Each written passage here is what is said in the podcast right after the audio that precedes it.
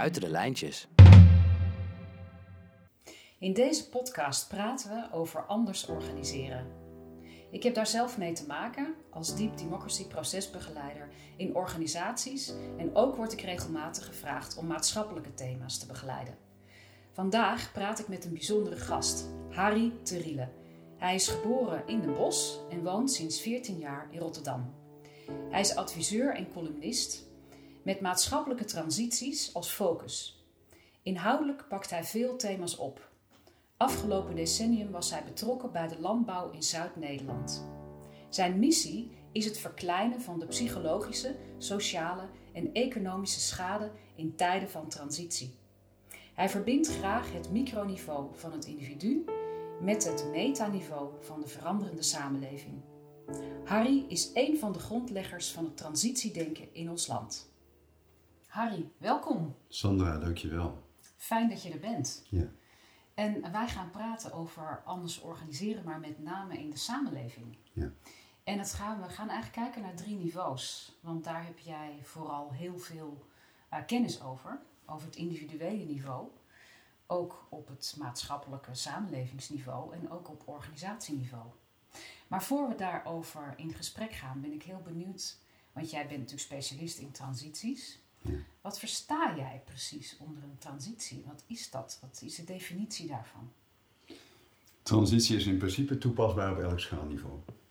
Of het nou gaat over eh, je complete deur vervangen door een ander type deur. Of je gaat het hele energiesysteem in de samenleving van richting laten veranderen. Maar in het Nederlandstalig gebied wordt het gebruikt en eh, bijna exclusief gebruikt voor grote maatschappelijke systeemwijzigingen die in relatief korte tijd diep moeten veranderen. Oké, en dan weet je denk ik ook niet precies waar je uitkomt. Nou, je weet in ieder geval wel waar je van weg wil. Mhm. Dat is een hulpje.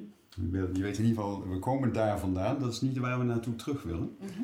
Ongeveer die kant uit. En hoe dat precies gaat worden, dat is een eh, variëren, selecteren, variëren, selecteren. En dat kan decennia duren voordat je een nieuwe grote lijn te pakken hebt op een onderwerp. Ja, en jij hebt ook eh, nou ja, bepaalde dynamieken, eh, beschrijf jij hè, in, de, in transities, hoe die verlopen, hoe er zo'n ontwikkeling gaat. Kun je daar iets over vertellen? En waar denk je aan als je, als je die vraag stelt? Nou, ik denk aan, ehm, je hebt zo'n een, een hele mooie eh, theorie over de curve, hè? Zo hoe, hoe Ja. een transitie begint, Ja. Hoe die dan verloopt. En eh, nou ja, op een gegeven moment heb je dan misschien een tipping point of zo, ik weet er niet veel van. Ik zal hem van Dus je ik, overnemen. eh, ik ben heel benieuwd. Wat je vaak hebt is, eh, als je zo'n tijdslijn hebt en hier is de oorsprong en die tijd die loopt naar rechts.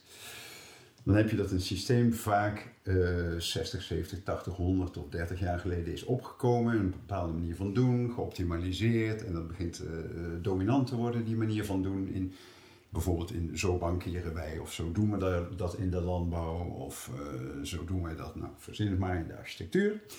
En dat bereikt zijn top. En dan komt het tegen de grens van wat, waar de samenleving nog bij gediend is.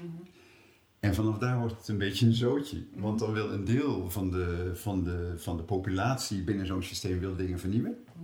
Een deel wil het oude nog verder doorzetten. En een deel denkt van nou, dit is wel mooi. Dus dan krijg je een, een enorme diversiteit. Nou, die deel, dat deel wat aan het vernieuwen is, is net zo lang aan het zoeken en variëren en aan het opschalen en aan geld aan het, aan het verzamelen totdat het een nieuwe richting te pakken heeft.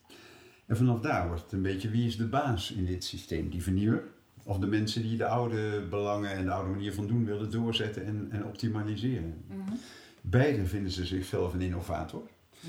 Eh, in vaktermen is die vernieuwer is een, eh, is een eh, disruptive innovator, vaak. Omdat oude posities aan gort gaan op het moment dat hij opschaalt. En eh, degene die eh, de oude manier van doen dient, dat, dat noemt, noem je in vaktaal sustaining innovation. Die, die behoudt het oude systeem en de oude leiders behouden hun, hun route, hun, hun plek eigenlijk. En daartussenin zit een periode van heel veel variatie en selectie. En dat kan een hele tijd duren. Voor, dat had ik het net al over. Eh, nou, dan zie je dus, eh, je hebt een curve en, en, en er komt een nieuwe naar boven uiteindelijk. Maar daartussen heb je een hele hoop kleine curvetjes, dus een diversiteitsfase. En dat is een niet-weten fase. En heel veel mensen vinden het heel moeilijk, niet allemaal, om in die niet-weten fase eh, een goede rol te spelen. En eh, bijvoorbeeld als je, als je adviseur van een politicus bent, je bent bijvoorbeeld een ambtenaar, dan vind je het vaak heel moeilijk om te zeggen tegen je baas, je sturende baas, we weten het even tien jaar niet of vijftien jaar. En dat moet je ook aan je kiezers vertellen. Nou, die diversiteit, die overgang, om daar goed mee om te gaan, om daar relaxed in te zijn en te weten wat jouw rol is. Bijna elk psychologisch karakter heeft daar een eigen rol in. Daar mogen we nog wel wat, uh, wat, wat in vorderen in Nederland. En als we, als we dat zouden doen, dan zou Nederland in een betere conditie voor transities zijn. Ja, en is dat ook een reden waarom, uh, waarom we zoveel polarisatie zien? Omdat op een gegeven moment mensen dus blijkbaar gaan tegenwerken uh, nou ja, allerlei verhalen uh, ontstaan over twee partijen of, of, meerdere partijen. Hoe, hoe, hoe, kijk jij daar tegenaan? Een deel van die polarisatie komt omdat de flankposities de politieke discussie beginnen te kapen. Mm -hmm. Terwijl het grote midden het niet zo precies weet. Kan best zijn dat zij wat gelijk hebben, kan zijn dat die anderen wat gelijk hebben. En op het moment dat je een methode vindt om die flankposities niet meer de politieke besluitvorming te, te laten kapen, dan heb je veel robuuster overleg, probeer en uitproberen een besluitvormingsmodel te pakken. Mm -hmm. En daar zijn we in Nederland met onze vertegenwoordigende democratie niet zo goed op uitgerust. Nee. Terwijl we wel heel erg gewend zijn om te polderen, dat kunnen we erg goed. Maar ja. blijkbaar is dat niet helpend. Ja, dat hebben we in het verleden inderdaad een paar keer ontzaglijk goed gedaan. Daar zijn we beroemd mee geworden. Het wordt tijd dat we nu weer wegblijven uit die flankdiscussies. Zeggen, we moeten er allemaal zijn, want we moeten met elkaar de bocht om. Er mogen maar, maar een paar mensen uit de boot vallen bij deze vernieuwing van de landbouw of deze vernieuwing van het financiële systeem. Nee, we moeten het allemaal doen. Ook de mensen die in principe niet zo graag willen. Waar staan zij voor? Waar zijn zij loyaal aan? Welke taal willen ze horen? Om rustig te worden, om een plek voor zichzelf te vinden, om niet alles kapot te zien mm-hmm. gaan waar ze voor staan. Mm-hmm. Nou, op het moment dat je zo'n inclusief verhaal hebt naar bijna alle psychologische karakters binnen het systeem, dan, dan lukt het je om die flankdiscussies weg te duwen en de discussies via het midden te laten lopen. Ja, want ik hoor je ook zeggen dat die mensen die op een gegeven moment in de minderheid zijn, die eigenlijk behoudend zijn hè, om het oude te behouden, dat je daar ook wel naar moet luisteren. Die zijn ook belangrijk, die hebben ook invalshoeken die we niet uh, weg moeten schuiven of niet onder, de bak moeten vegen. Nee, dat klopt. Ja. Maar het zijn niet de minderheid. Ik bedoel, je kunt net zo goed zeggen dat de vernieuwer uh, de minderheid is. Ja. Ik ben iemand die heeft een psychologisch karakter dat uitermate exploratief is. Mm -hmm. En dan is het ook nog dat alleen maar. De rest kan ik helemaal niet. Mm -hmm. uh, dus ik kan een pilot doen, ik kan een vernieuwing neerleggen, ik kan een denklijn voor de komende 40 jaar neerleggen. En anderen moeten het vervolgens uh, van pilot naar betrouwbare kleine serie krijgen, naar grote opschaling, naar enzovoort enzovoort. Mm -hmm. Dat zijn andere mensen. Ik voel mij in die vernieuwing, voel ik mij nou, bijna hulpeloos eenzaam. Mm -hmm. Ik zie dingen die anderen nog helemaal niet zien. Soms, mm -hmm. niet altijd. Ja. Ook ik mis hem wel. Dus, dus, dus ja. het zit aan beide kanten zit die eenzaamheid. Ja. De kunst is om elkaar vast te pakken en te snappen op wat voor taal en begrippen en loyaliteit we aangaan. Want zijn er ook vernieuwingen die het niet halen, zeg maar? Die dus niet uh, echt tot een vernieuwing leiden? Ja. Heb je ja. daar voorbeelden van? Nou, pak de landbouw. Je hebt, je hebt een een heel groot maatschappelijk volume is de intensieve landbouw, hè? Mm-hmm. Dat weten we allemaal. En altijd zijn er altijd niche-spelers die het anders doen. Mm-hmm. Die zijn er al sinds, die zijn er altijd. Mm-hmm. Sinds de jaren 20 is die ecologische landbouw is al in de grond, in, in de grond aanwezig, 1920, om die tijd, rond Rudolf Steiner. Um, op het moment dat dat hoofdsysteem tegen zijn grens aankomt en de samenleving de nadelen van dat hoofdsysteem eigenlijk groter begint te, te vinden dan de, de voordelen destijds, -hmm. toen we dat starten, dan komt er ruimte voor die niche-spelers. Oh, jullie doen misschien toch wel belangrijke dingen. Dan gaat daar wat kapitaal naartoe, daar gaan wat daar gaan subcircuitjes op ontstaan, afnemers toe, leveranciers, geschiedenisinterpretatie. En dan beginnen die kleine spelers wat groter te worden. -hmm. Een paar daarvan overlijden. Ja. Die rennen het niet financieel. Ja. Een paar komen nieuw op. En als je dan vier, vijf bestuursperioden later naar datzelfde systeem kijkt, dan zie je dat die grote maatschappelijke volumes van die intensieve landbouw, die zijn dan kleiner en die zitten minder in het centrum van het systeem. Een paar van die niet-spelers zijn gegroeid. Dat kan van alles zijn. Zorgboerderij, aquatisch uh, verbouw, uh, illegale teelt, landbouw. Uh, noem het maar op, hè. lokale labels, natuur inclusief. Uh, een paar daarvan zullen groter geworden zijn. Er zullen een paar nieuwe bij zijn gekomen die we nu nog niet kennen. En het resultaat over vier, vijf bestuursperioden is dat de totaalconstellatie veel diverser is. Mhm. Dus ook de wetten een veel diverser systeem moeten kunnen ondersteunen. En de geschiedenisinterpretatie dat ook moet gaan doen. Het ethisch besef binnen het systeem ook. En de voederleveranciers. En, en, en, en, en. En vanaf daar zal er op een gegeven moment wel weer een nieuwe grote lijn naar boven komen. Maar dat kan goed 30, 40, 50 jaar later. Ja, ja. En je had het net over uh, zeg maar karakterverschillen. Hè? Mensen ervaren transitie op een hele andere manier, zijn ook daarin in verschillende uh, momenten, uh, zeg maar, kunnen ze een rol pakken. Ja.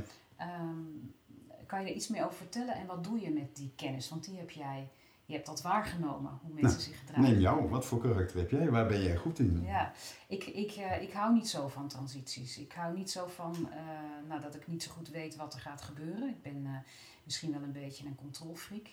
Um, ik kan het wel in mijn werk, in, want daar heb ik natuurlijk ook mee te maken. Hè? Dus in, in teams, organisaties, daar begeleid ik natuurlijk ook transities en veranderingen. Maar dat is een soort van behapbaar, daar kan je een soort overzien. Maar zulke grote transities als waar we nu in zitten maatschappelijk, vind ik best wel uh, ingewikkeld überhaupt. Ik denk heel veel mensen, hè, dat het is heel complex om daar een beetje overzicht over te krijgen. Dus je weet niet precies waar je naartoe beweegt. Nee, ik zou je dolgraag in mijn transitieteam willen hebben. Want jij gaat vanuit jouw karakter, jouw natuur, jouw achtergrond, jouw DNA en jouw eerste acht jaar van je opvoeding, ga je mij als omverwerper, als vernieuwer, als exploratief karakter, ga je me doorlopend bevragen. Dat worden ongemakkelijke gesprekken tussen jou en mij, maar ze leveren wel kwaliteit op. Mm. Want jij gaat zeggen: Goh, Harry, jij roept nu dit over de parlementaire democratie of de vertegenwoordigende democratie of over de toekomst van de landbouw of verzin het maar, Mm-hmm. of de zorg of het onderwijs. Heb je daaraan gedacht? Heb je daaraan gedacht? Heb je... Jij ziet het, al die dingen. Mm, Terwijl ik een droom zie. Ik zie 15 of 20 of 30 of 40 jaar ontwikkeling op basis van de shit die er nu is. De spanningen die er in het systeem zijn en waar we vandaan komen. Jij kunt mij doorlopend bevragen op, uh, oké, okay, en nu? En uh, heb je daar al aan gedacht? En wat ga je met hen doen? En wat ga je dan daarmee doen? En wat ga je met die criminaliteit doen in die tussenfase? En, en, en, en, en. Die dialoog tussen jou en mij brengt kwaliteit aan een transitienarratief en aan een transitietraject in een gemeenschap. Daarom zou ik jou graag als partner hebben. Ik werk ook samen met een Sandra-achtige. Die, die, ja, het is inmiddels dat we, dat elkaar vertrouwen, omdat we elkaar door dik en dun hebben leren kennen. Maar uiteindelijk zijn die gesprekken altijd ongemakkelijk. Je tankt bij je eigen karakter. Dan denk je, ah, ik hoef maar een half woord en hup, ik voel me thuis. En ja, we weten meteen wat we moeten doen. Ik tank bij andere explorerende karakters. Ik haal de kwaliteit bij types zoals jij, die ergens anders zitten in de in de innovatiecurve, in de S-curve. Van idee naar voldragen, uitgepompt concept, totdat het uit elkaar lazert en uit elkaar valt en afgebroken moet worden. Dat is heel interessant, hè? want je zou dus ook kunnen stellen als je niet voldoende hè, van uh, de Sandra-types zeg maar, in, je, in zo'n team hebt waar je een transitie mee begeleidt, dan ga je bijvoorbeeld ook veel te snel. Je ziet dingen over het hoofd. Uh, dus jij zegt je hebt ze echt nodig. Ik heb ze nodig, maar er is wel een kanttekening. Te snel. Soms vraagt een samenleving om een bepaalde snelheid en diepte van verandering. Mm-hmm. Heel lang hebben de Sandra-achtigen, in mijn ogen, de neiging om de zwakke signalen voor verandering te missen. Mm-hmm. De sterkere te ontkennen. En als het onontkoombaar is, dan komen ze bijna in de criminogene zone, zoals dat soms genoemd wordt. Niet crimineel, maar criminogeen. Mm-hmm. Uh, dan is het voor CEO's, leiders, is het aantrekkelijk om een faux pas te maken, een foute stap, juridisch of ethisch. En dan zit je ineens in de gevangenis als directeur van Audi met je Schumel-schandaal. Of je wordt beticht van een grootschalige mestfraude. En daar, hup, jarenlang onderzoek. Onderzoeksjournalisten halen alle shit naar boven die je aan het... Jij doet het uit je beste overtuiging dat je bezig bent met een systeemvariant te redden, vaak. De samenleving denkt daar heel anders over. Dus de kunst is voor, vanuit mijn positie bezien, voor Sandra-achtigen ook de zwakke signalen op te gaan pakken zonder dat je je bedreigd voelt. Dus als ze sterker worden, denken, oh nou zou het wel serieus, hoe ga ik daarop organiseren zodat het niet een bende wordt? Mm-hmm. Want jij bent erop uit om dingen niet een bende te laten worden, vermoed ik. En dan voorkom je dat uh, mensen die niet willen veranderen, eindeloos de veranderingsagenda blijven uitstellen, zoals bij de landbouw gebeurd is. Ze wisten in 89 al, 1989 dat ze moesten uiteindelijk. Nou, het is nu 2000, wat is het? 22, 23? En uiteindelijk komt dan uh, de laatste groep die wordt wakker en die pakt de macht. Dat gebeurt ook vaak. Probeert de geschiedenis alsnog in zijn achteruit te zetten. Dus er, komt een, er is een transitie op gang aan het komen. Duurt 20, 30 jaar. En dan wordt er uiteindelijk de laatste groep wakker. Die pakt de macht. Die probeert de geschiedenis in zijn achteruit te zetten. Lost het probleem daarmee niet op. En dan schiet hij uiteindelijk met nog minder resttijd schiet hij uiteindelijk los. Nou, als je daar een rondje omheen telt, trekt, dan heb je zo'n zo'n zo'n lijn. En dat noem ik het Opel-effect. Dat is het logo van Opel, zo'n liggende Oh, blitz. oké. Dat zijn hele dramatische perioden in een gemeenschap. In een land, in een boerengemeenschap, in een bankiersgemeenschap. Het zijn perioden dat je niet meer als boer naar een feestje kunt. Er zijn ook perioden, daarvoor zit de periode dat je als vernieuwende boer niet meer naar de lokale barbecue wordt uitgenodigd. Als ecologische boer kon je heel lang niet naar de.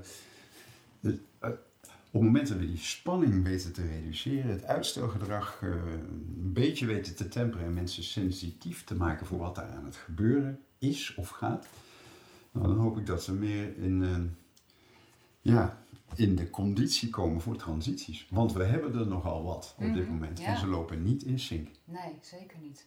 Want hoe kijk jij nu bijvoorbeeld naar de transitie van de boeren? Als je dit verhaal zo vertelt, hoe zou je dit dan... Nou, ze staan met hun rug tegen de muur. Hebben het veel te lang uitgesteld. En eh, ik denk dat dat door hun politieke leiders kom- komt. En, en, en ze hebben tegelijkertijd die politieke leiders gekozen. Maar die zeiden nog op één, eh, dus ex-ministers landbouw, die zeiden nog eh, op het Malieveld in 2019: laat je niet kleineren door zo'n kleine groep loezerige veganisten. Vandaag is voor jou, laat je er niet onder duwen. En het al dédain, dédain, dédain naar die vernieuwers. Ehm, dat zijn slechte politieke leiders in zo'n tijd. Dus hoe kijk ik naar die landbouwtransitie? Wij hebben daar zoveel goud in handen om een, een fantastische nieuwe diverse sector neer te zetten. We hebben een wereldnaam, we hebben, we hebben kapitaalstromen, we hebben de grondsoorten, we hebben, we hebben, we hebben. Maar ze zitten met een heel diep probleem en dat moet op, op korte termijn opgelost worden. Ze hebben het veel te lang uitgesteld. En Ja. ze hebben een systeemprobleem. Ze zitten op 60% van onze grond. In sommige, sommige provincies 70, 75% van de grond. Ze hebben maar 2% van de werkgelegenheid en maar 2% van de bruto nationaal product. En we hebben die grond voor andere dingen nodig. En we hebben geen honger. We hebben al heel lang geen honger. Dat was een van de redenen om hen die grond te geven destijds. Ja, ze hebben het zelf in cultuur moeten brengen, maar ze hebben het wel gekregen van de samenleving. Dus er zit zo'n diepe discrepantie in die na de Tweede Wereldoorlog er nog niet was, omdat grote delen van het volk werkte in de agrarische sector, de primaire sector. Dus met de jaren heen is dat enorm afgenomen. En ja, ze hebben nu zo'n systeemonbalans ten opzichte van alle andere wensen die we hebben. We hebben dat land ook gewoon nodig. Voor andere dingen. Ja. Voor water, energie, zorg, natuur, verzin het maar. Wat zou er moeten gebeuren volgens jou om deze impasse vlot te trekken? Nou, ik denk dat eh, de landbouw een fijn voorbeeld is voor Nederland om te denken, nou, wij kunnen dat blijkbaar niet zo goed. Reflectie, reflectie, reflectie, reflectie. Wat is hier gebeurd de afgelopen 30 jaar? Waarom hebben we al die signalen gemist in politiek Den Haag? Ligt dat aan het systeem? Kunnen we het anders gaan doen? Wat kan IT en de wil van gewone mensen hier in de toekomst bij? Want heel veel mensen zagen het gebeuren. Heel veel boeren wilden best veranderen. Heel veel omwonenden waren, waren tot tranen toe. eh, hadden ze last van, van, van, van de varkens naast hen. En, en ik weet niet of je zelf wel eens hebt ge- eh, overnacht naast een varkensboerderij. Nee, maar Nou, het is... eh, Als ja, dan s'avonds de mist intrekt om half zeven, dan zit het in elke porie van je kast, van je kleren. Van, en dat heb je nog drie dagen lang in je neus zitten. Ja. Dus daar moet veel gebeuren. Mhm. En tegelijkertijd is het een waanzinnig land daar. Dat Brabant, dat Limburg, dat Gelderland. Dat zijn waanzinnige landen. landen. Ik bedoel, daar kun je zoveel moois mee doen. En nu is maar één sprietje wat er staat. Het meeste wat er staat is ten behoeve van de, van de veeteelt. Mhm. Nou, de samenleving gaat veranderen. Er worden meer plantaardige eiwitten. Eh, de nieuwste generatie zegt, oké boomers, wij zijn aan zet. Jullie eruit. We gaan het anders doen. Ja. Ehm, ja. Eh, eh, maar reflectie, reflectie moet er gebeuren. En oké, misschien past het besluitvormingsmodel wel niet helemaal bij deze tijd van transities. Mhm. Je hebt in, eh, in Tilburg heb je een project gedaan, hè? Heb Ja. je de warmtevisieproject gedaan. En daar heb jij eh, de burgers ook ingezet om mee te denken Ja. hè, over de warmtevisie. En eh, wat ik interessant vond om te lezen in je artikel is dat je eigenlijk zei van nou, tot- zoals we dat tot nu toe gedaan hebben, met, uh, met eigenlijk de burgerberaden, dat, dat werkt eigenlijk niet. Of tenminste, ik, ik heb daar wel kritiek op. Hè? Dat was wat je schreef. Dus ik ben heel benieuwd wat je kritiek is en, en hoe jij... Je hebt het anders gedaan. Je hebt het heel anders georganiseerd. Wil je daar iets over vertellen? Ja, natuurlijk wel. Uh, ik heb het niet alleen gedaan. Ik heb het met een team van ongeveer negen mensen buiten en binnen de gemeente gedaan. Dat is, in mijn eentje had ik dat nooit kunnen doen. Uh, de achterliggende lijn bij mij is... Als er één partij de komende jaren emancipeert in complexe besluitvorming, is het de gewone mens in Nederland, de gewone burger. um, dat is een lijn die is al honderden jaren gaande. En met de opheffing van het dagbladszegel, dagbladbelasting, werd de gewone mens werd ook geïnformeerd. Vanaf daar blijven we maar doorgaan. En de IT heeft daar een hele grote rol en social media heeft daar een hele grote rol op dit moment in. um, er was een warmtevisie, een conceptwarmtevisie bij de gemeente Tilburg. En uh, de gemeenteraad die vroeg, zijn huiseigenaren en gewone Tilburgers hier voldoende bij aangesloten? Het antwoord daarop was nee, daar hebben de mechanismes niet goed voor. En ze uh, schreef een aanbesteding uit en die won ik op één kernzin. Mijn droom is om over deze concepten warmtevisie met heel veel Tilburgers in open dialoog te gaan. En ik schreef liefst duizenden. Ik wist dat software dat op het ogenblik kan. Mm. Overigens software en ICT is bijna afwezig in complexe besluitvorming, politieke besluitvorming. Overal in ons leven zit het, mhm. behalve daar. Dus alleen daar al kun je, kun je, kun je, kun je, ja, je kunt uittekenen dat die binnenkort uh, ja, met, met donderend geraas die arena binnenkomt. Ik wist dat we software hadden, een start-up in Den Haag, Circalytics heten ze, en dat is een klein bedrijf en die maken het mogelijk om aan heel veel mensen open vragen te stellen. Je krijgt dan antwoorden. En dat gebeurt online, op je telefoon, op je tablet, of wherever. Het gaat niet in grote groepen, en niet fysiek in een lokaal. Het gaat op de bank thuis. Je krijgt een QR-code of een link en dan kom je een aantal vragen. Dit zijn we van plan met de warmtesituatie voor jouw buurt. Dit zijn we voor jouw buurt aan. En dit daar. En we denken daaraan en daaraan en daar. En, dan, dan, zit je, dan zit je, die, zie je die vragen en die beantwoord je. En dan krijg je die software, dus je krijgt antwoorden binnen van honderden Tilburgers. Die antwoorden geven we in pakketjes van 20 weer terug aan andere Tilburgers. En zeggen, wat vind jij nou de beste en de slechtste antwoorden op onze beleidsvragen? Hier heb je een pakketje van 20 antwoorden, wat vind je de beste en de slechtste? Rank ze, plus 3, plus 2, plus 1, 0, min 1, min 2, min 3. En waarom vind je ze goed of slecht? Mm -hmm. En die software die maakt daar tops en bottomlijsten van. Die zegt, dit zijn de 50 beste antwoorden op je beleidsvraag volgens de Tilburgers. En dit zijn de argumenten waarom ze ze goed of slecht vinden. En die software die zegt ook, en op plaats 612 staat iets wat volgens mij, zegt die software, anders is dan gemiddeld. Kijk daar eens naar. Staat daar onzin? Of heeft daar iemand iets door wat de rest nog niet door heeft?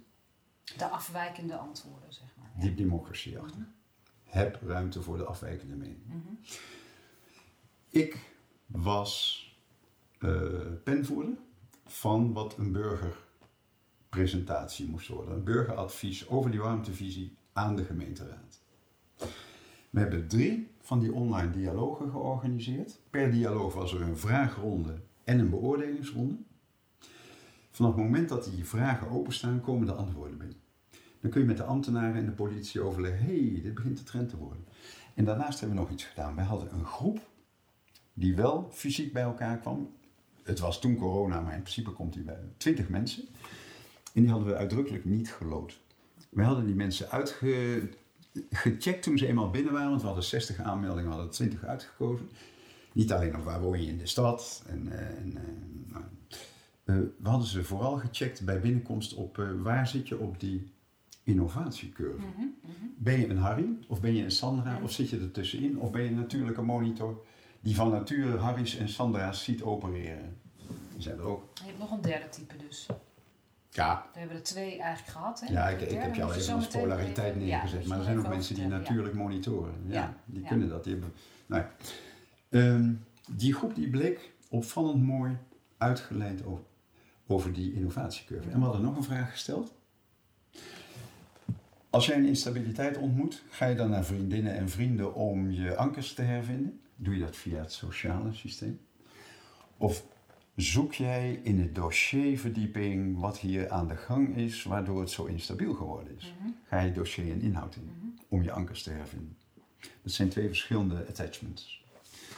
Nou, daar scoorden ze ook wel redelijk verdeeld in. In een tijd van transitie gaan en die sociale systemen wijzigen en de, de fysieke systemen, de infrastructuur, de producten, de stallen, de geldsystemen, verzinnen maar. Literatuur zegt op het moment dat je daar spreiding in hebt, nou dan begint die groep veel beter geoutilleerd te zijn om complexe problemen op te lossen. Dan worden ze cognitief gevarieerd, zoals dat heet. Deze groep bleek dat behoorlijk goed te kunnen. Dus daar zaten mensen in die tegen uh, groene energie waren. Er waren mensen die sterk voor waren. Er waren mensen die behoudend waren. Er waren mensen die veel procesintelligentie en ervaring hadden, sociaal. Nou, mensen die inhoudelijk alle dossiers goed. Die groep met elkaar haalden wij zeven keer bij elkaar. En die voeden wij tussendoor met de uitkomsten van die online dialogen. Interessant. We zeiden, ja, dit komt er uit die honderden antwoorden. Dat werden er duizend, dat werden er tienduizend hmm. antwoorden. Um, wat vinden jullie?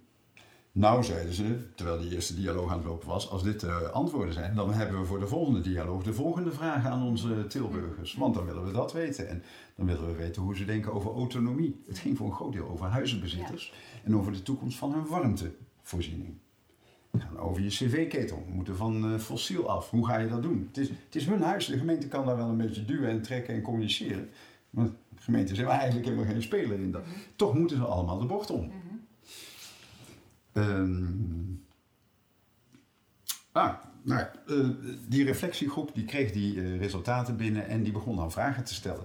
Een van de, een, voorbeeld. Um, wij haalden uit de eerste dialoog, online dialoog, dat, heel, dat een behoorlijk grote groep wilde, die wilde het per se helemaal zelf doen. Ik, het is mijn huis, ik bepaal hoe de toekomst van mijn warmtevoorziening wordt. En dan vroegen wij, als iemand het helemaal zelf wil doen, dat vroegen we in de tweede dialoog, dat halen we in die eerste erop, eruit. Als iemand het helemaal zelf wil doen, vind je dan dat hij of zij aan iets of iemand verantwoording verschuldigd is? En dan zag je dat de antwoorden 50-50 waren. De ene helft van de antwoorden zei, nou ja, het is hun eigen huis, dus ze moeten dat helemaal zelf weten. De andere zei, nou nee, het moet wel dit, het moet niet plofgevaarlijk en het moet en het moet en het moet. Dus aan iets of iemand zou je wel verantwoording af moeten leggen. Vervolgens geef je die antwoorden zoals ik net al uitgelegd, aan andere Tilburgers en zeggen: wat vind je van deze antwoorden? Nadat Tilburgers elkaars reactie hadden gelezen, begon die mening te schuiven. Van, oh, nu ik dit zo lees, ja, er zit toch wel wat in. En ging het van 50-50 naar 60-40 of, of 63, 38, 39, 37. En dan begint ineens een betekenisvolle meerderheid van het volk te zeggen: Nou, ook al geef je heel veel autonomie en ruimte aan de Tilburgers rond die warmtetransitie, ze moeten uiteindelijk toch wel ergens aan iets of iemand verantwoording afleggen. Dus soms zie je dan in die reactieronde dat de homogeniteit in de, in de gemeenschap toeneemt. In dit geval waren het in totaal, hoeveel hebben er meegedaan? 1514 Tilburgers aan het hele proces. En dat is eigenlijk het vroegste stadium van besluitvorming. Mhm.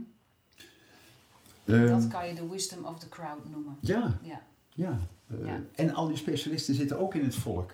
En die politici die wonen ook ergens. Dus die doen, die doen ook allemaal mee. En de mensen die ZZP'er zijn, keukeninstallatietechniek, doen ook mee. Mm ja. En hoe is het uiteindelijk, wat is uiteindelijk uitgekomen? Het eindproduct was uh, een advies aan de gemeenteraad. Mm uh, ik heb dat vormgegeven als 56 grootformaat PowerPoint slides. Um, dit was de vraag aan het volk. Volk klinkt zo neerbuigend. Ja, ja. De Tilburgers. Ehm, Zoveel procent is voor, zoveel procent is tegen. Uh, dit lijkt de conclusie uit alle antwoorden, alle honderden antwoorden. En als we deze antwoorden geven aan de Tilburger tafel, dan komen ze met dit advies voor het vervolg aan de gemeenteraad. Ja. Bijvoorbeeld, tot nu toe staat er niks in over koelen. Wij denken dat in de toekomst koelen heel belangrijk gaat worden in woonhuizen. Maar we weten ook dat de bouwstijl, de manier waarop je de openbare ruimte inricht, hoe je met water omgaat en met natuur in de stad, heel veel uitmaakt voor de, de op, opwarming van mm ja, woonomgeving. Ja. Dus dan, je moet dit niet alleen in de, in de bouw- en woning doen. Het gaat ook over je ruimtelijke planologie in de stad. Of over de ruimtelijke inrichting in ieder geval. Nog eentje. Er zat op dat moment een college dat absoluut wilde dat deze warmtetransitie budgetneutraal zou zijn voor de gemeentebegroting.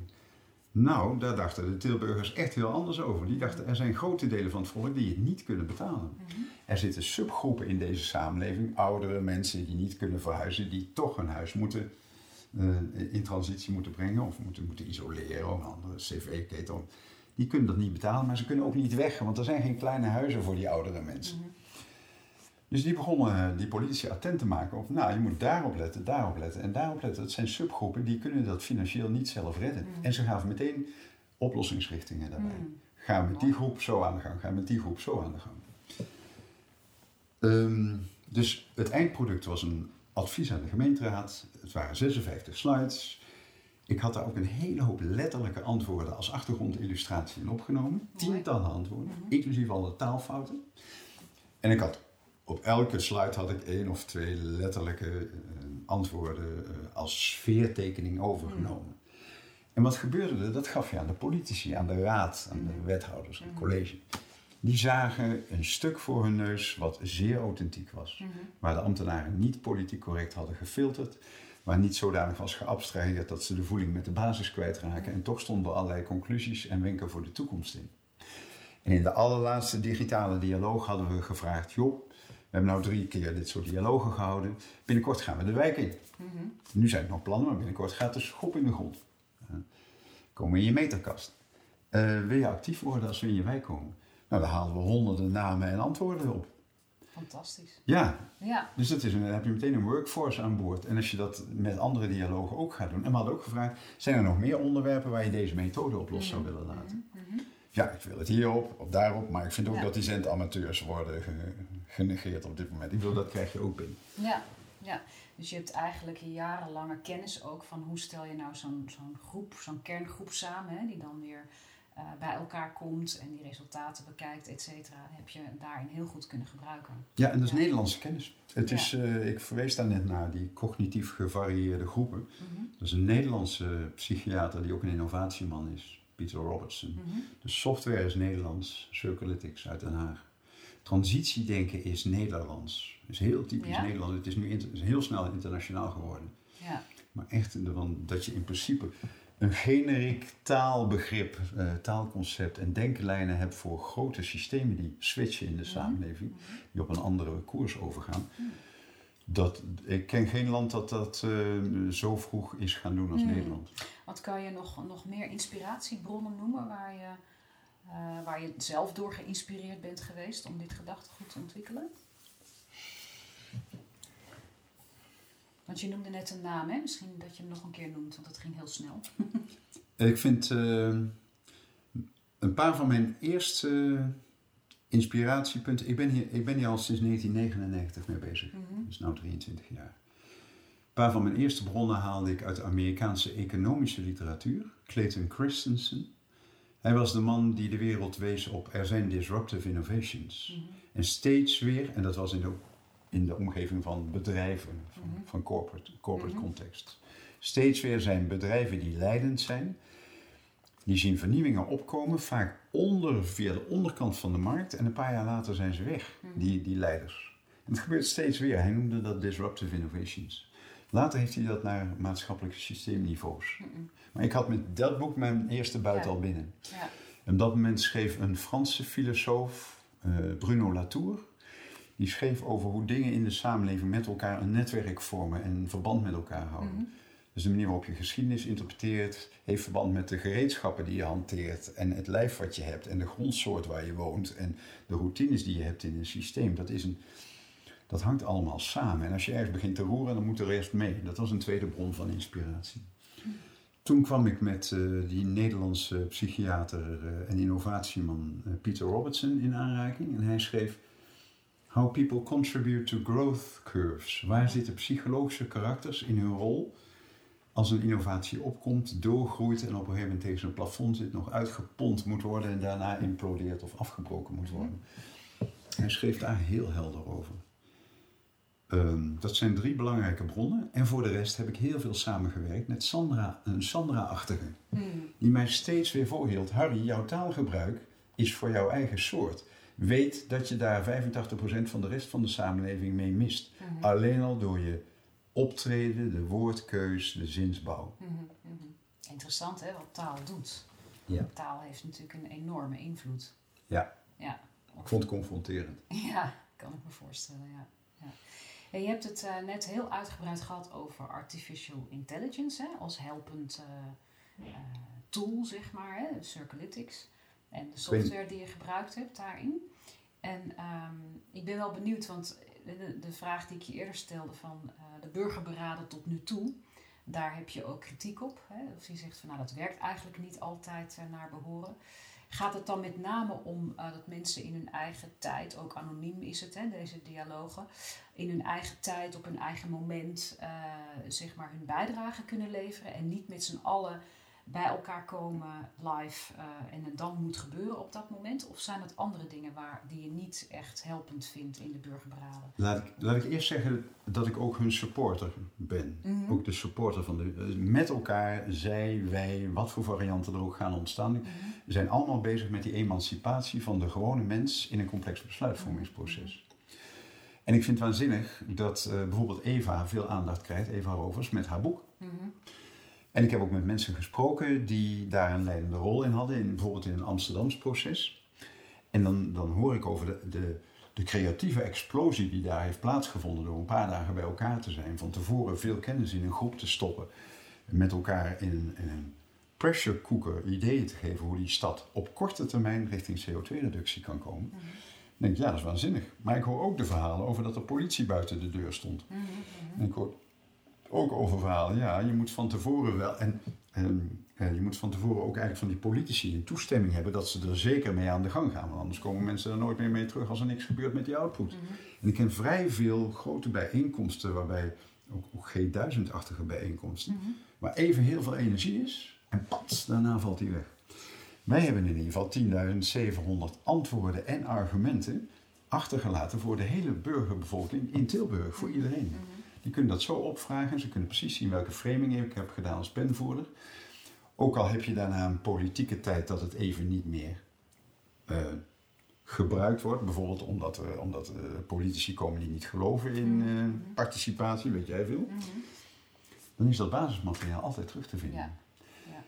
Um, en ik vind het heel mooi dat, uh, dat je een heel rustig proces hebt. Je kunt, mm. Die vragen kun je even, uh, even laten rusten op het moment dat je kind begint te blaren en dan loop je naar boven en, en je gaat even met je vriendin overleggen of je vriend of uh, verzin het maar ja. met de buur of met die boer in de buurt. Wat vind jij nou van deze vraag? Mm -hmm. En dan ga je door met je antwoord geven. Dat is ja. een heel rustig, reflexief proces. Ja. Dat vind ik heel mooi. Ja, dan kom je eigenlijk terug bij die reflectie. Hè? De reflectie en de dialoog. Die verandering ook tot stand brengt natuurlijk. Hè? Doordat jij iets zegt ga ik reflecteren en ga ik misschien wel mijn mening bijstellen. Hè? Of ja. ik ga er anders over denken. Dat is ja. natuurlijk een heel belangrijk dat is cruciaal, element. wat jij zegt. Nu. Ja, en er is, er is dan ook gewoon meer tijd voor. Mensen kunnen meer hun eigen tijd nemen om dat te doen. En Prachtig. je hebt natuurlijk veel minder die actie-reactie die je in live gesprekken wel hebt. Dan moet je al hele goede facilitators hebben. Uh, willen die dat kunnen begeleiden hè, op een rustige manier. Dat mensen niet exploderen, uh, hè, dat ze niet schieten in uh, polariteiten of in uh, ja, bepaalde oordelen over elkaar, hè, bepaalde subgroepen die aanwezig zijn wellicht op zo'n bijeenkomst.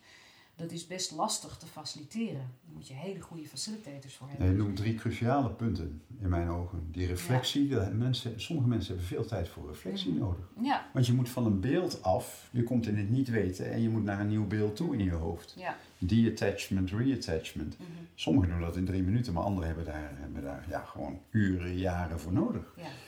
En als je een groep bij elkaar zet, heb je inderdaad dominante karakters die het woord nemen, mm -hmm. om wat voor reden dan ook. En je hebt mensen die minstens zoveel te vertellen hebben, maar dan moet je van goede huizen komen als facilitator om dat mooi te balanceren. Ja, ja je noemt cruciale dingen. Ja, ja. En een dialoog gaat over beweging, gaat over de willingness to suspend your certainties, zoals ja. bomen zeggen.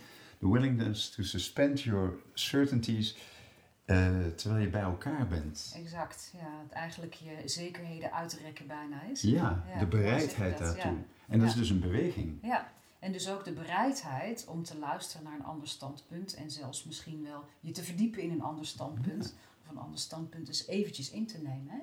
En in deze is het zo... Ja. Weet je, transitiedenken is begonnen bij types zoals ik en dan ook op metaniveau. De landbouw. Mm -hmm. De vernieuwers in de landbouw. Mm -hmm. Daar begon het. Ik zei net al dat we daar een flink deel van de karakters überhaupt mee misten. Maar wat het, het is ook pas heel laat, dat begint het nu pas op dit moment. Ja, ik ben daar lang geleden al mee begonnen, maar de transitiedenkers en de tijdschriften daarover gaan nu pas zich afvragen: wat doet het individu eigenlijk in een tijd van transitie? Mhm, mhm. Ik ben daar met Esther van der Valk, waar ik heel veel mee samenwerk. eh ben daar een jaar of twaalf geleden of tien geleden mee begonnen. Mhm. En zo kwam ik op dat pad wat ik je net uitlegde. Ja. Maar wat is het individu überhaupt op het moment dat de hele omgeving begint te draaien? Mhm.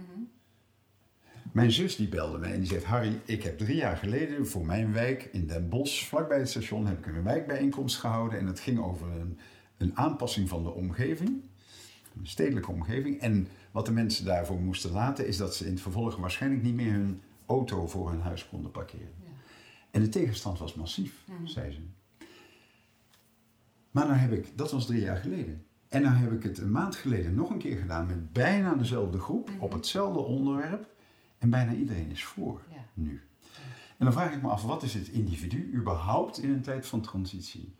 In welke mate bestaat het individu eigenlijk? Of ben je een spiegel van die anderen? In welke mate doet die geest doorlopen dit acht keer per seconde? Ja, ja. En wat doet de tijdgeest? Hè? Dus ook eh, het momentum waarop je een verandering dus blijkbaar wel door kan voeren. Eh, mensen moeten misschien ook wel wennen aan ideeën. Ehm, dat kan dus heel erg verschillend zijn. Soms ben je gewoon te vroeg om iets voor te stellen. Of dan is, dan is nog niemand zo ver dat dat ook eh, leeft bij mensen. En daar doet dialoog natuurlijk heel veel in, denk ik. En dat, dat heeft ook gewoon tijd nodig. Ja. Je kan het niet forceren. Nou, en als je mij vraagt wat moet er gebeuren in Nederland, ik heb al een paar dingen gebeurd, eh, gezegd. Een van de dingen is, ik zie in het onderwijs op het ogenblik krachten die zeggen, iedereen moet heel goed kunnen rekenen.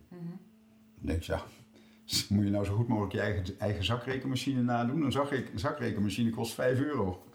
We vinden het al, al eeuwen niet erg dat mensen geen afstand kunnen schatten. Nou, daar zullen we het er ook niet over. Eh, wat ik belangrijk zou vinden, is dat er een, eh, een volk ontstaat dat sensitiviteit krijgt voor al die dingen die we net bespraken met elkaar. Dingen kunnen veranderen en dialoog is cruciaal. Mhm. Nou, is natuurlijk allemaal heel mooi, hè, die techniek en die AI en zo. Maar we worden er wel Nee, je heel blijft AI zeggen, van.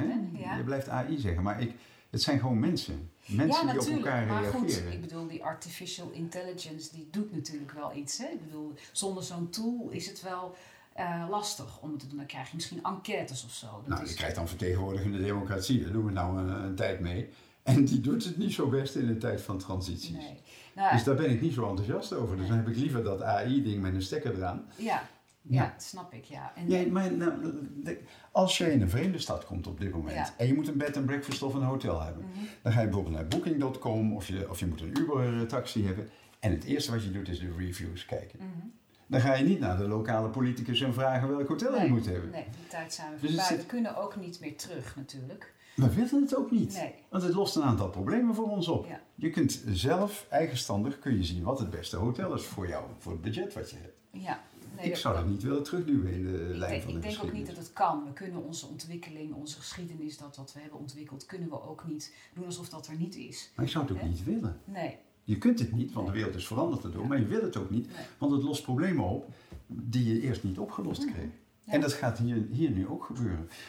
We, hebben die, we weten niet beter, heel veel mensen wisten niet beter of ze hadden een telefoon met een krulsnoer. En toen kwamen de eerste draadloze gsm's en toen werden ze geïnterviewd. Wat vindt u ervan, meneer en mevrouw? Moet u zo'n ding? Mhm. Nou ja, ik denk dat 85% zijn, wat moet ik er in godsnaam mee? Ja. Ja. Niet wetend dat alles daarna beheerst zou worden door dat nieuwe ding. Je kunt het niet overzien. Nou, ik voorzie dat ook nu. We weten niet beter of we hebben een vertegenwoordigende democratie op gemeenteniveau, provincieniveau, rijksniveau. We hebben niet eens door wat de nadelen daarvan waren, omdat we niet beter weten. Mhm. We hebben nu een elektrische auto. We waren vergeten dat je auto's niet in slaapkamers kunt parkeren. Dat kon nooit. Die dingen stonken altijd. We moesten altijd een carport hebben. Een ding moest altijd buiten staan. Nu kan hij op je zolder staan. Mhm. Al die nadelen van dat oorspronkelijke systeem zijn we helemaal vergeten. Dat we auto's in de binnenstad toelieten, dat maakt het meteen onmogelijk voor kinderen en bejaarden om de, en, en demente bejaarden om buiten te lopen. Op het moment dat je ze weert uit die woonomgeving, dan, wordt er ineens weer van alles mogelijk. We zijn die nadelen vergeten zodra een systeem is in, in, ja, ingeburgerd. ja, het is wel heel erg boeiend hè, dat dat gewoon uit ons collectieve geheugen Ja. lijkt te verdwijnen. Ja, dat is een psychologie. Ja. Ja. Ja, ja, heel interessant. Hey, als je nou, want je hebt ook uh, processen in organisaties begeleid, hè? daar hebben we nog niet uh, zo heel veel over gehad. Wat zag je daar aan, aan obstakels, zeg maar, om transities te laten plaatsvinden? Kan je daar iets over vertellen? Laat ik beginnen met dat ik minder goed ben in organisatie, minder gepokt en gemazeld in organisatiebegeleiding dan uh, systeembeschouwingen, lezingen en micro-individu coaching. De dingen die ik in organisaties heb gedaan, deed ik voor grote groepen. Mhm. Bijvoorbeeld van 40 mensen die met elkaar voor een massieve opgave staan. Mhm. Bijvoorbeeld de toekomst van de landbouw in deze omgeving. Mm het eerste wat ik dan deed was ze door zo'n assessment halen, waar ik, waar ik het eerder over gehad heb. Waar zit iedereen qua karakter? Wat kan hij en zij? Met elkaar bleek zo'n groep dan uh, de hele transitie aan te kunnen. Ja, en het naar beneden brengen. eigenlijk drie types, hè, geloof ik. Dat, dat, want die hebben nog niet heel mooi uh, belicht, even zo heel kort. Maar je onderscheidt drie types, toch, in transities? Ja, uh, Peter Robinson die zegt, er zijn op die S-curve zijn er een stuk of acht posities van mensen die steeds het emmertje aan elkaar doorgeven. Ja, ja. Dat kun je wel voorstellen. Hè? Ik heb, als polariteit heb ik jou en mij tegenover elkaar gezet. Dus twee van die acht. Daarnaast zijn er mensen die van nature monitoren wat anderen aan het doen zijn. Mm -hmm. En die de snelheid en de diepte van verandering wel zo'n beetje in de gaten houden ten opzichte van wat er aan het gebeuren is in de werkelijkheid. Of van wat er moet gebeuren ten opzichte van wat er aan het gebeuren is. Mm -hmm. Natuurlijke monitoren.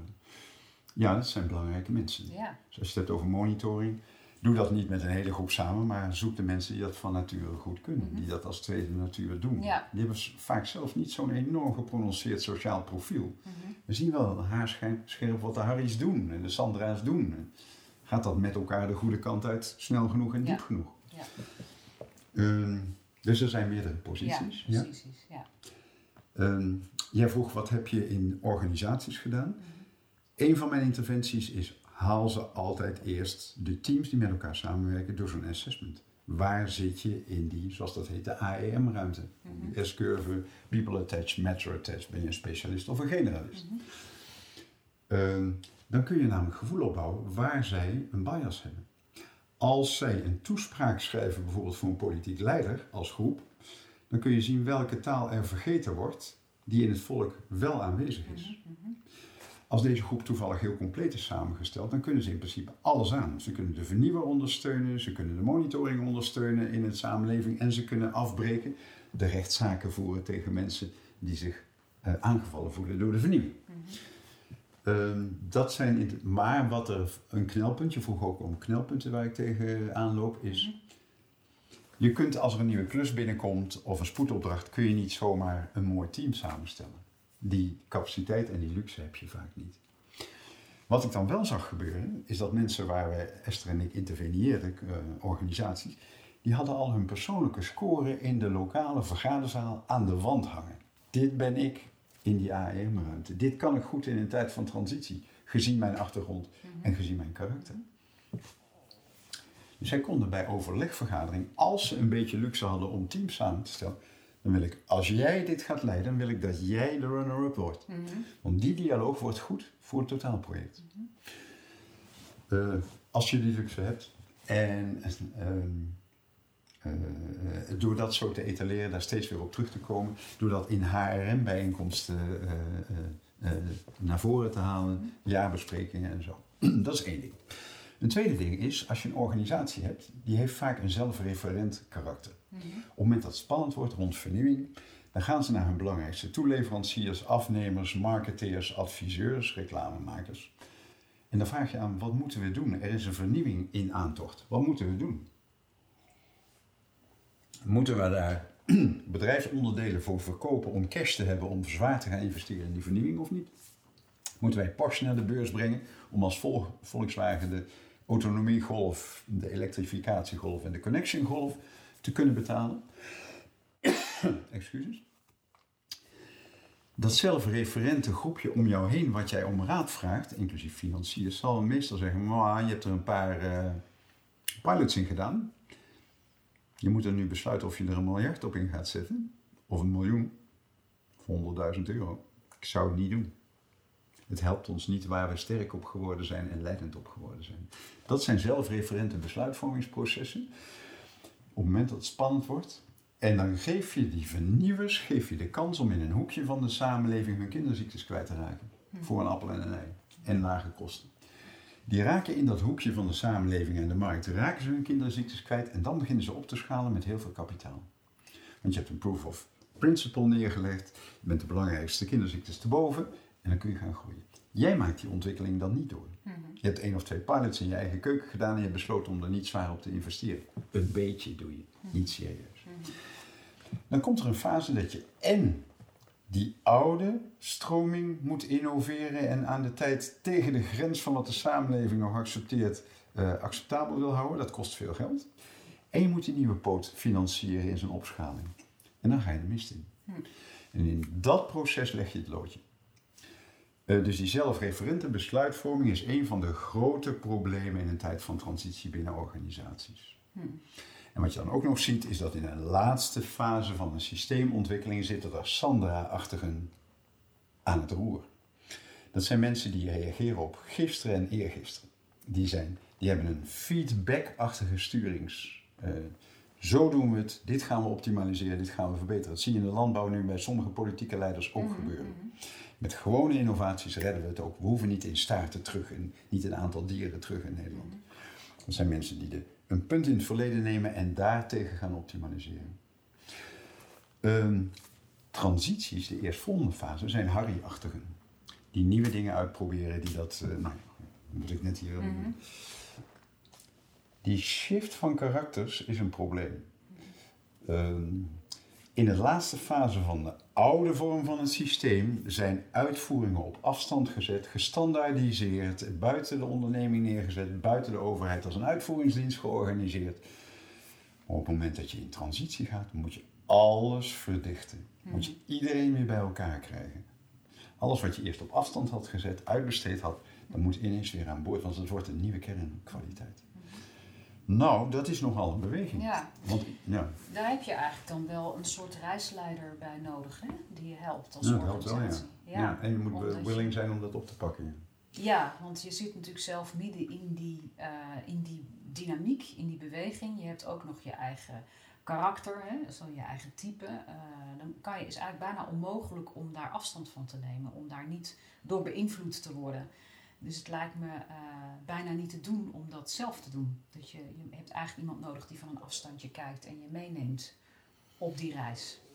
Ja. Of zie jij Ja, en, en dat moet een serieuze spanningspartner zijn. Ja. Iemand die bereid is om eh, met ruzie te ja, spiegelen. ja, ja. Stel dat jij en ik een, een, een, eh, een, een verbond zouden hebben. Mhm. En ik breng je tot wanhoop, weer eens tot wanhoop.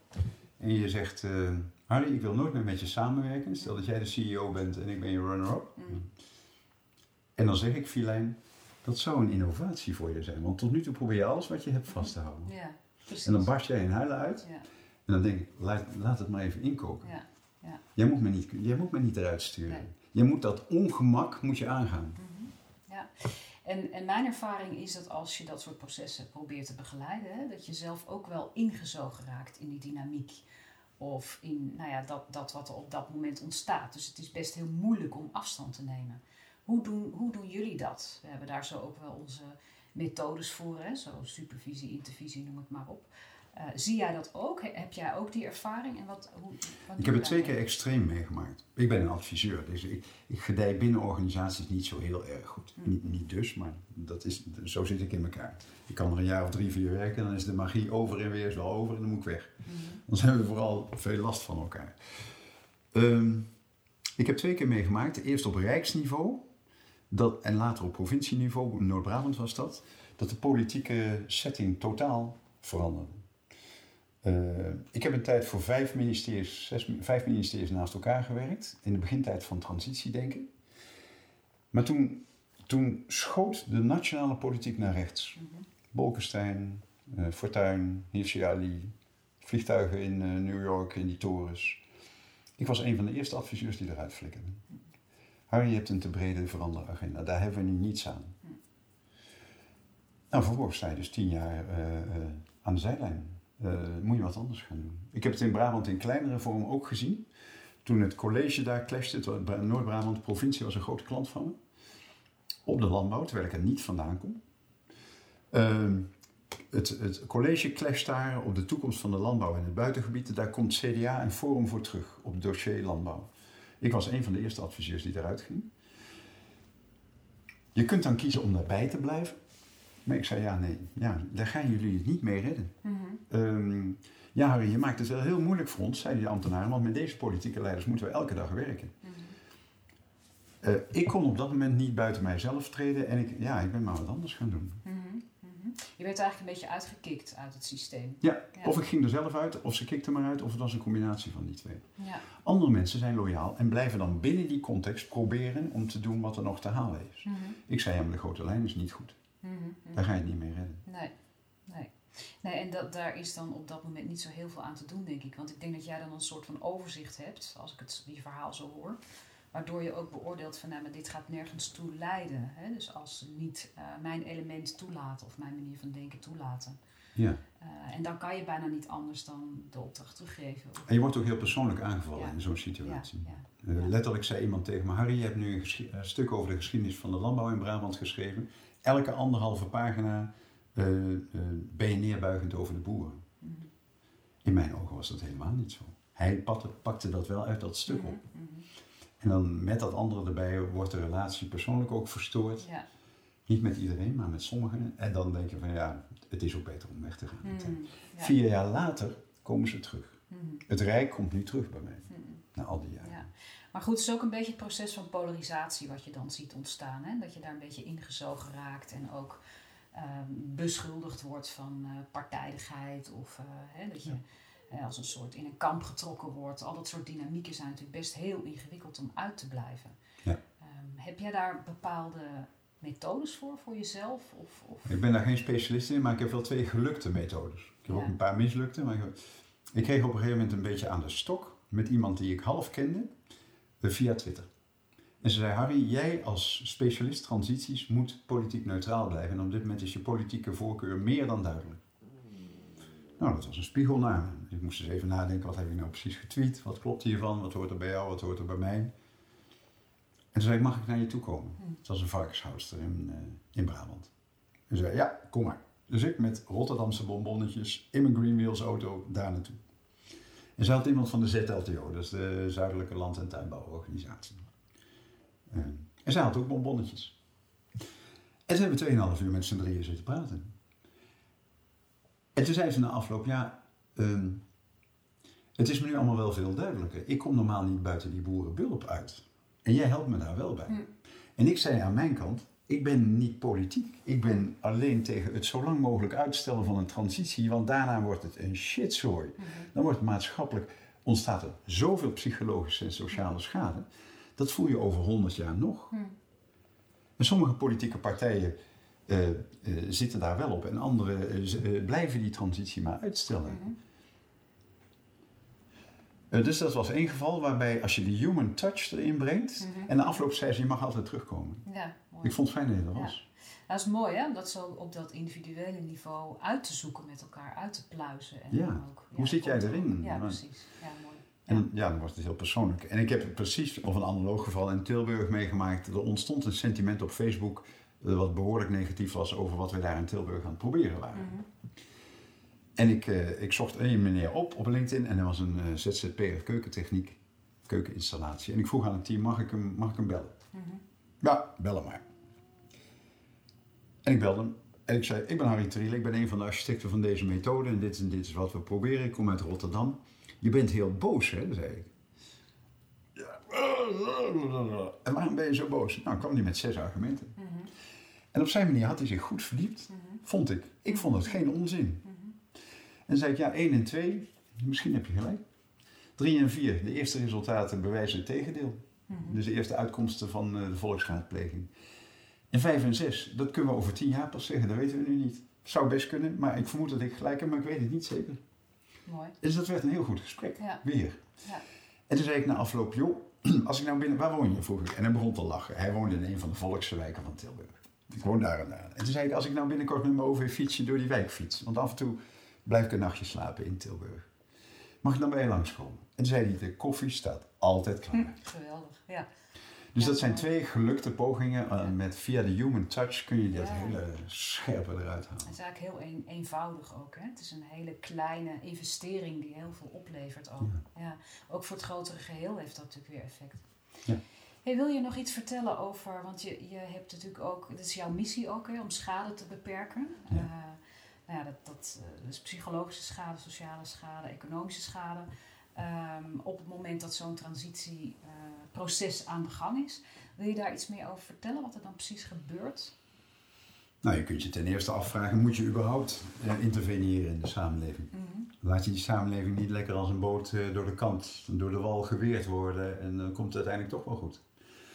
Dit is een tijd, volgens mij, die het in zich heeft om scheuringslijnen te laten ontstaan die je over, over 100 jaar nog voelt.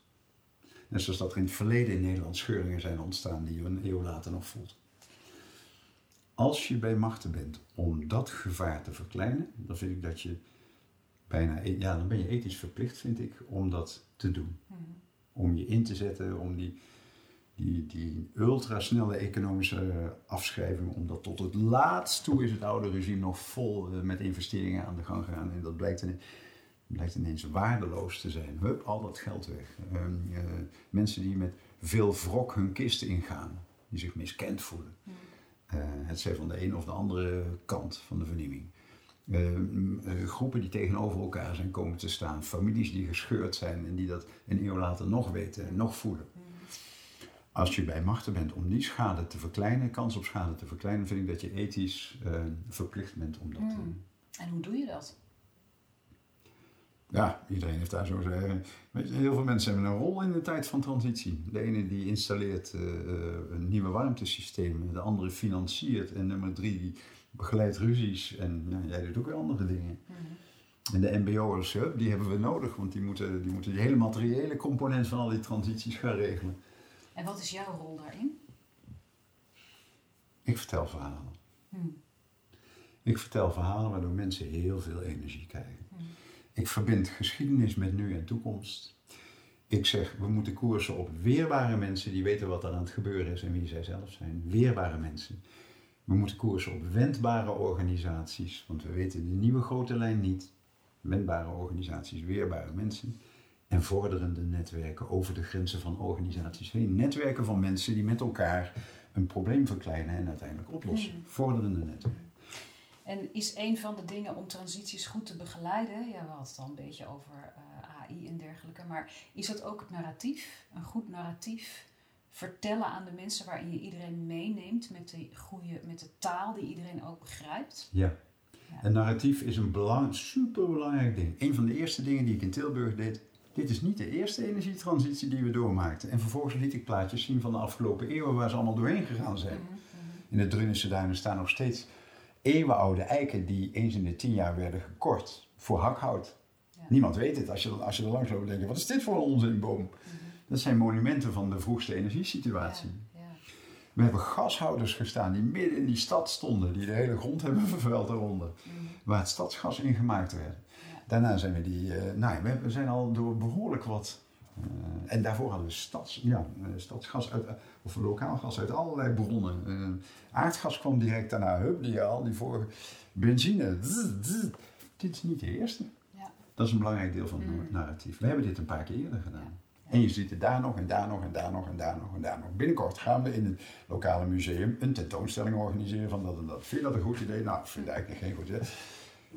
Dus het, het verhaal in de hoofden van de mensen en dat verhaal zo inclusief mogelijk proberen te krijgen. Dus als je een vals narratief hebt, waarbij je grote groepen van de bevolking als eh, crimineel wegzet, ja, in mijn ogen wat mensen als Trump doen, eh, daar heb je dus niet zoveel aan. Want dan krijg je de- een grote kans op scheidslijnen die nog heel lang blijven. Ja, polarisatie, sabotage, dat is eh, voedingsbodem daarvoor. Hè? En je hebt elkaar nodig. Ja. Je hebt nu een relatief kalme periode gehad, maar dat wordt waarschijnlijk anders. Het, is, het is onrustig op de samenleving, in de samenleving op dit moment. Het is rumoerig. Dus je hebt elkaar nodig. Hoe kijk jij naar de toekomst? Ja, ik ben optimist. Maakt niet uit in wat voor tijdstip je mij mee eh, neerzet. Eh, maar ik besef wel dat we een eh, turbulente tijd ingegaan zijn. Ja, je ziet het nu al hè, met al die crisissen die tegelijk plaatsvinden. Ja. En jij ziet eigenlijk daarin nog wel een stijgende lijn dat dat nog meer op die manier zal voortzetten. Uiteindelijk is het pad van de mensheid is naar boven. Maar dan heb je het over grote lijnen. Mhm. Ja, hoe ben je zelf na een scheiding of tijdens een scheiding? Dat is gewoon een kutproces. Ja. Je weet het niet. Nee. Je bent al blij met een beetje zekerheid daarna zelf. Eh, Je hebt jarenlang in een woestijn gezeten met je man of met je vrouw. En eh, emotioneel en, en, en seksueel en, en, en nou verzin het maar. En dan ben je ineens van hem los en dan denk je, wat nu? Mhm. Nieuwe zekerheden zoeken. Ja. eh, in jezelf gaan geloven, weten wie je bent. Eh, en je later, eh, jaren later terugkijken en denken, ja, ik wil hem toch niet terug. Mhm, mhm. Nou, het was wel een eh, turbulente tijd. Ik heb heel veel gehad aan mijn vriendinnen. Ja, mooie vergelijking. Ja. Als je naar de politiek kijkt, hè? nou ja, onze politieke leiders hebben natuurlijk aardig wat lastige transities door te worstelen en wicked problems op te lossen.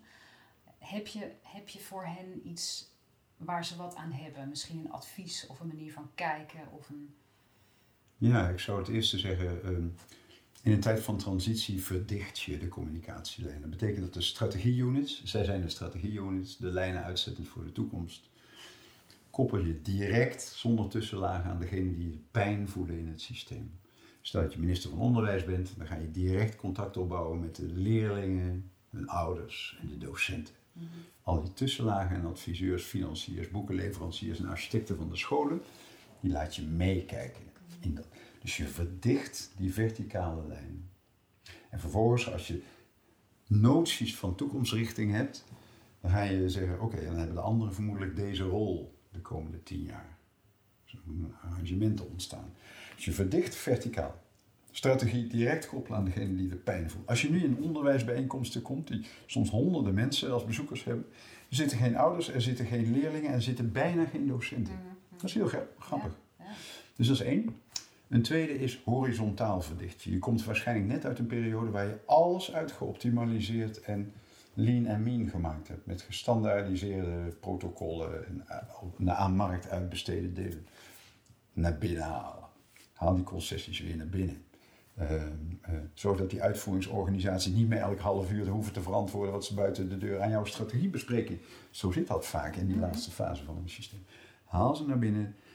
Wil je versneld een nieuwe richting voor een boerderij vergunnen, als wetgever of als vergunningsverlener, met z'n allen bij elkaar. Gemeente, provincie, boerderij, adviseur en de handhavingsorganisatie. Aan één tafel. Net zolang tot het probleem is opgelost.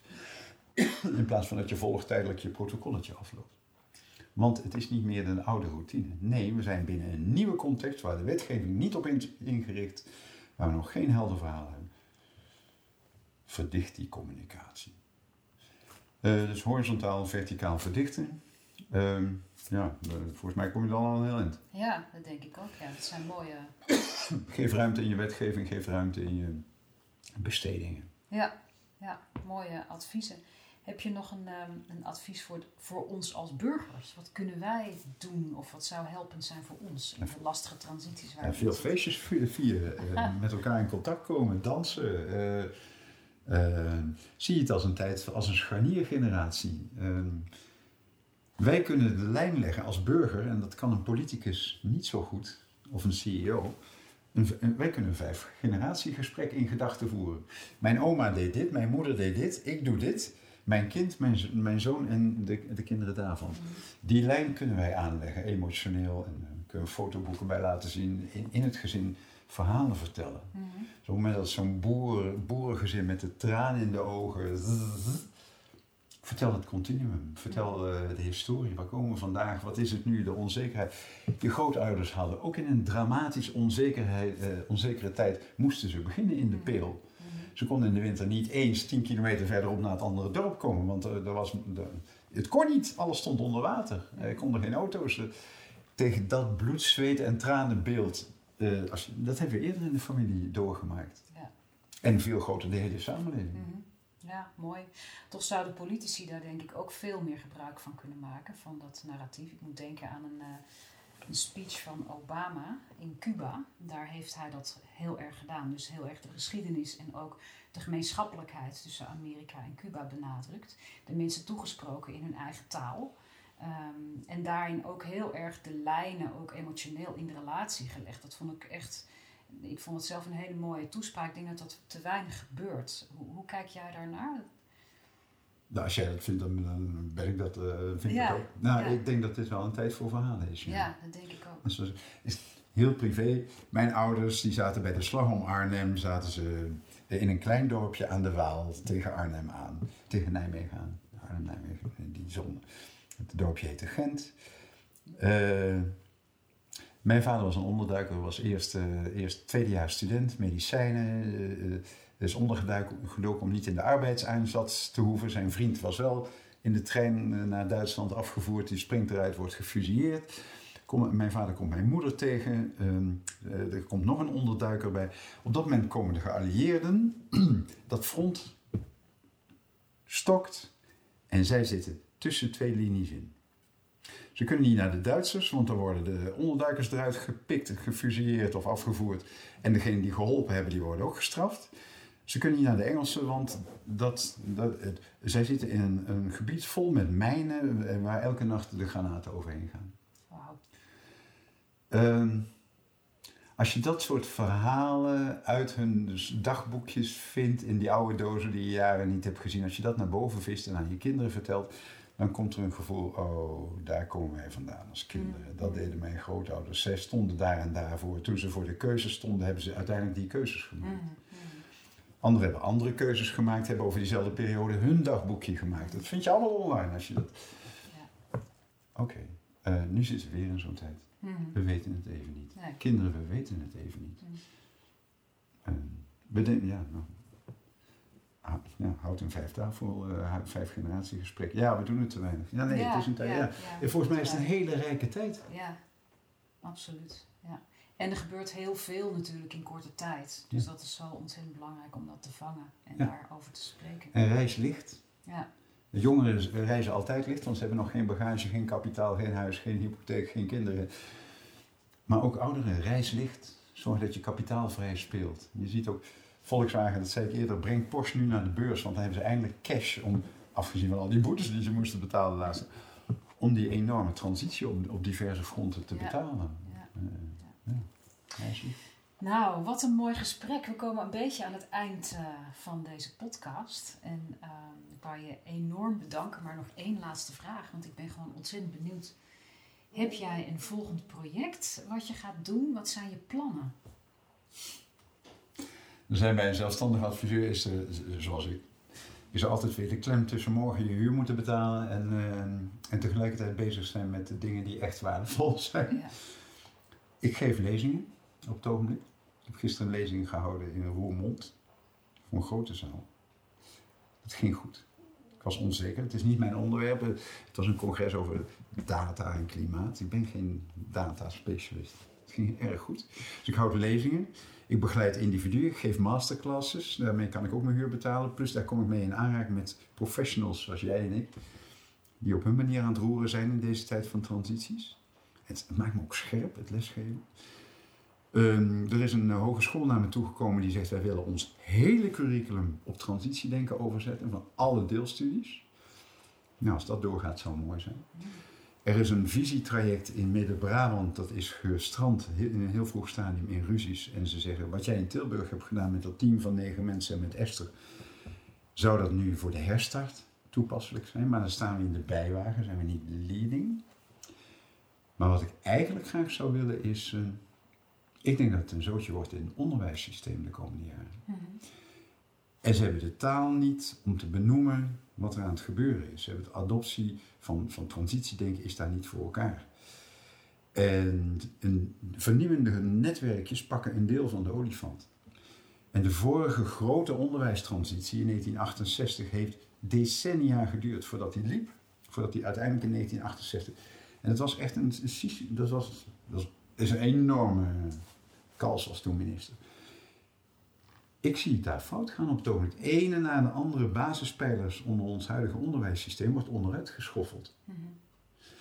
Dat kan heel ranzig worden. Ja. Als ik daar kan bijdragen aan bijvoorbeeld 15 jaar lang een staande dialoog met een half miljoen Nederlanders, met als kernactoren, leerling, docent, ouders, over wat vind je van het onderwijs, waar moet het naartoe? Plus narratief erin, daar komen we vandaan. Het is niet altijd zo geweest, vroeger deden we het zo. Mhm. Eh, nou, dan mag ik, als dat lukt, dan mag ik met een gerust hart mijn kist in. Dus daar heb ik er nog wel eentje. Wat een prachtige plannen heb je. Oeh. Heel mooi. en Ja, spannend. dat is mijn karakter. Het lukt. Ik kan Ja. verhalen vertellen. Prachtig, mooi. Ik wil je heel erg hartelijk bedanken, Harry. Ik vond het een heel interessant en mooi gesprek met enorm veel informatie. Dus ik denk dat mensen er heel veel aan gaan hebben. Dus ontzettend bedankt. Dank voor de gelegenheid. Dank dat ik het mocht doen. Dank voor je, voor je vragen Ja, en je openhouding. Graag gedaan. Dankjewel.